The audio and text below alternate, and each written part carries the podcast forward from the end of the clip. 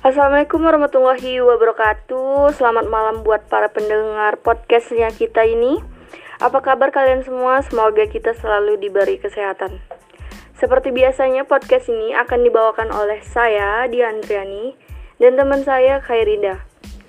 Jadi kami akan menemani kalian hingga podcast ini berakhir. So langsung aja. Tema kita hari ini uh, mengambil tema tentang aliansi strategis internasional. Nah, dalam tema aliansi strategis internasional kami akan membahas menjadi enam pembicaraan. Yang pertama itu mengenai uh, apa sih itu aliansi strategis internasional, perusahaan multinasional, uh, mengidentifikasi keuntungan aliansi strategis, ruang lingkup uh, aliansi strategis, dan implementasi atau jenis aliansi strategis. Bahkan kita akan membahas tentang hambatan uh, aliansi strategis internasional. Jadi yang pertama ini akan dibawakan oleh Khairida. Uh, jadi buat kalian semoga enjoy dalam mendengarkan penjelasan Khairida. Let's go.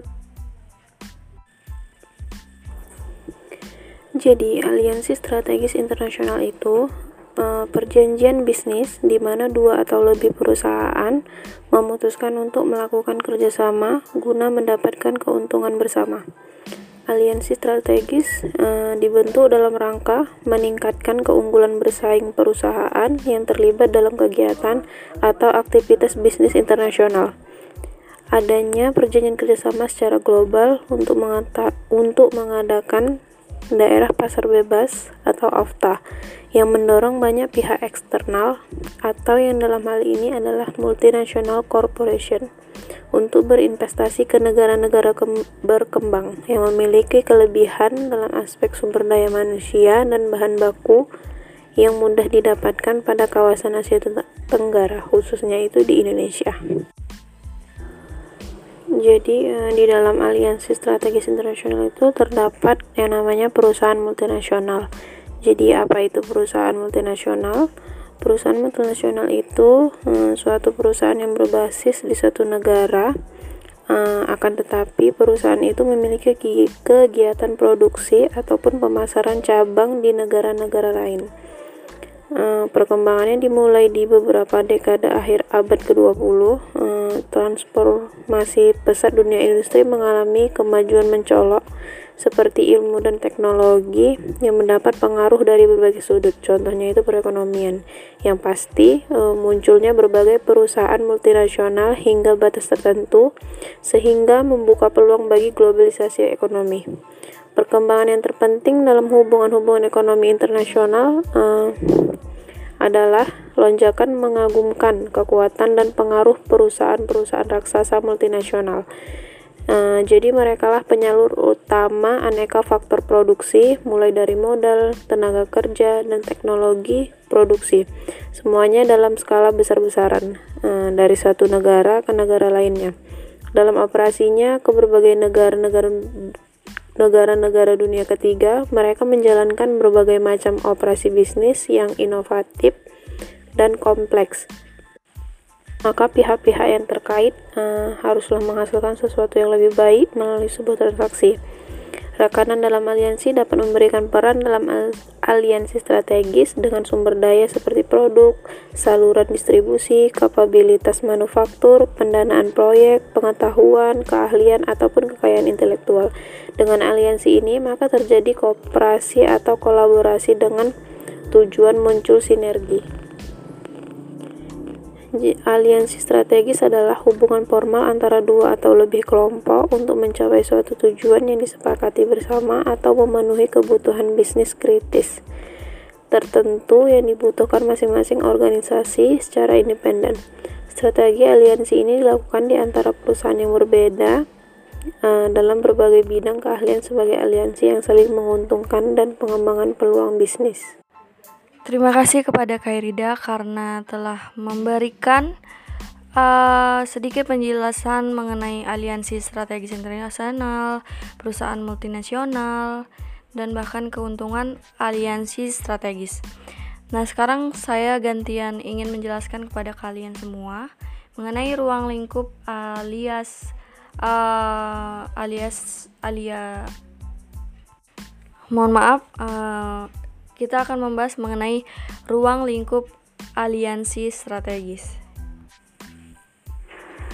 Nah, di sini ada beberapa mengidentifikasikan ruang lingkup aliansi strategi. Yang pertama yaitu pengembangan strategi. Pada tahap ini akan dilakukan kajian tentang kelayakan aliansi, sasaran, dan rasionalisasi. Pemilihan fokus isi yang utama dan penantang pengembangan sumber daya strategi untuk mendukung produksi, teknologi, dan sumber daya manusia. Lalu ada namanya penilaian rekanan. Nah, pada tahap ini dilakukan analisis potensi rekan yang akan dilibatkan, baik kekuatan maupun kelemahan, ataupun penciptaan strategi untuk mengakomodasi semua gaya manajemen rekanan. Terus ada namanya negosiasi kontrak.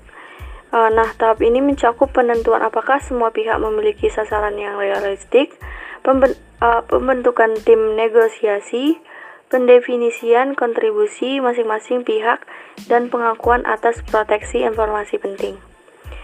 Terus juga ada yang namanya operasionalisasi aliansi. Nah, pada tahap ini mencangkup penegasan komitmen manajemen senior masing-masing pihak, penentuan sumber daya yang digunakan untuk aliansi, menghubungkan dan menyesuaikan anggaran dan sumber daya dengan prioritas strategis. Nah, yang terakhir itu ada namanya pemutusan aliansi. Nah, aliansi ini dapat dihentikan dengan syarat-syarat tertentu yang disepakati. Pada umumnya ketika sasaran tidak tercapai atau ketika partner melakukan perubahan prioritas strategis ataupun melakukan re uh, realokasi sumber daya ke tempat yang berbeda. Lalu kita akan membahas mengenai identifikasi, implementasi atau jenis aliansi strategis. Nah, di sini ada tem, uh, ada empat tipe aliansi strategis, yaitu yang pertama ada namanya joint venture, equity strategis, alliance, uh, non-equity strategis, uh, dan global strategis alliance. Terus uh, di sini juga ada mengidentifikasikan hambatan aliansi strategis internasional. Di sini menjelaskan bahwa Riden di Filipina tahun 1990 menjelaskan bahwa adanya rintangan atau kendala yang kuat untuk memulai peniruan atau imitation dari ketidakmampuan pesaing untuk memahami kompetensi yang merupakan sumber keunggulan bersaing. Nah, jadi itu dia pembahasan kita hari ini seputaran tentang aliansi strategis internasional. Saya Diandriani dan teman saya Kairida mengucapkan terima kasih kepada kalian karena telah merelakan waktu kalian untuk mendengarkan podcast ini. Dan kami juga minta maaf jika ada penyampaian yang kurang tepat. Baiklah, kami akan pamit. Uh, semoga kalian sehat selalu. Terima kasih semuanya. Assalamualaikum warahmatullahi wabarakatuh.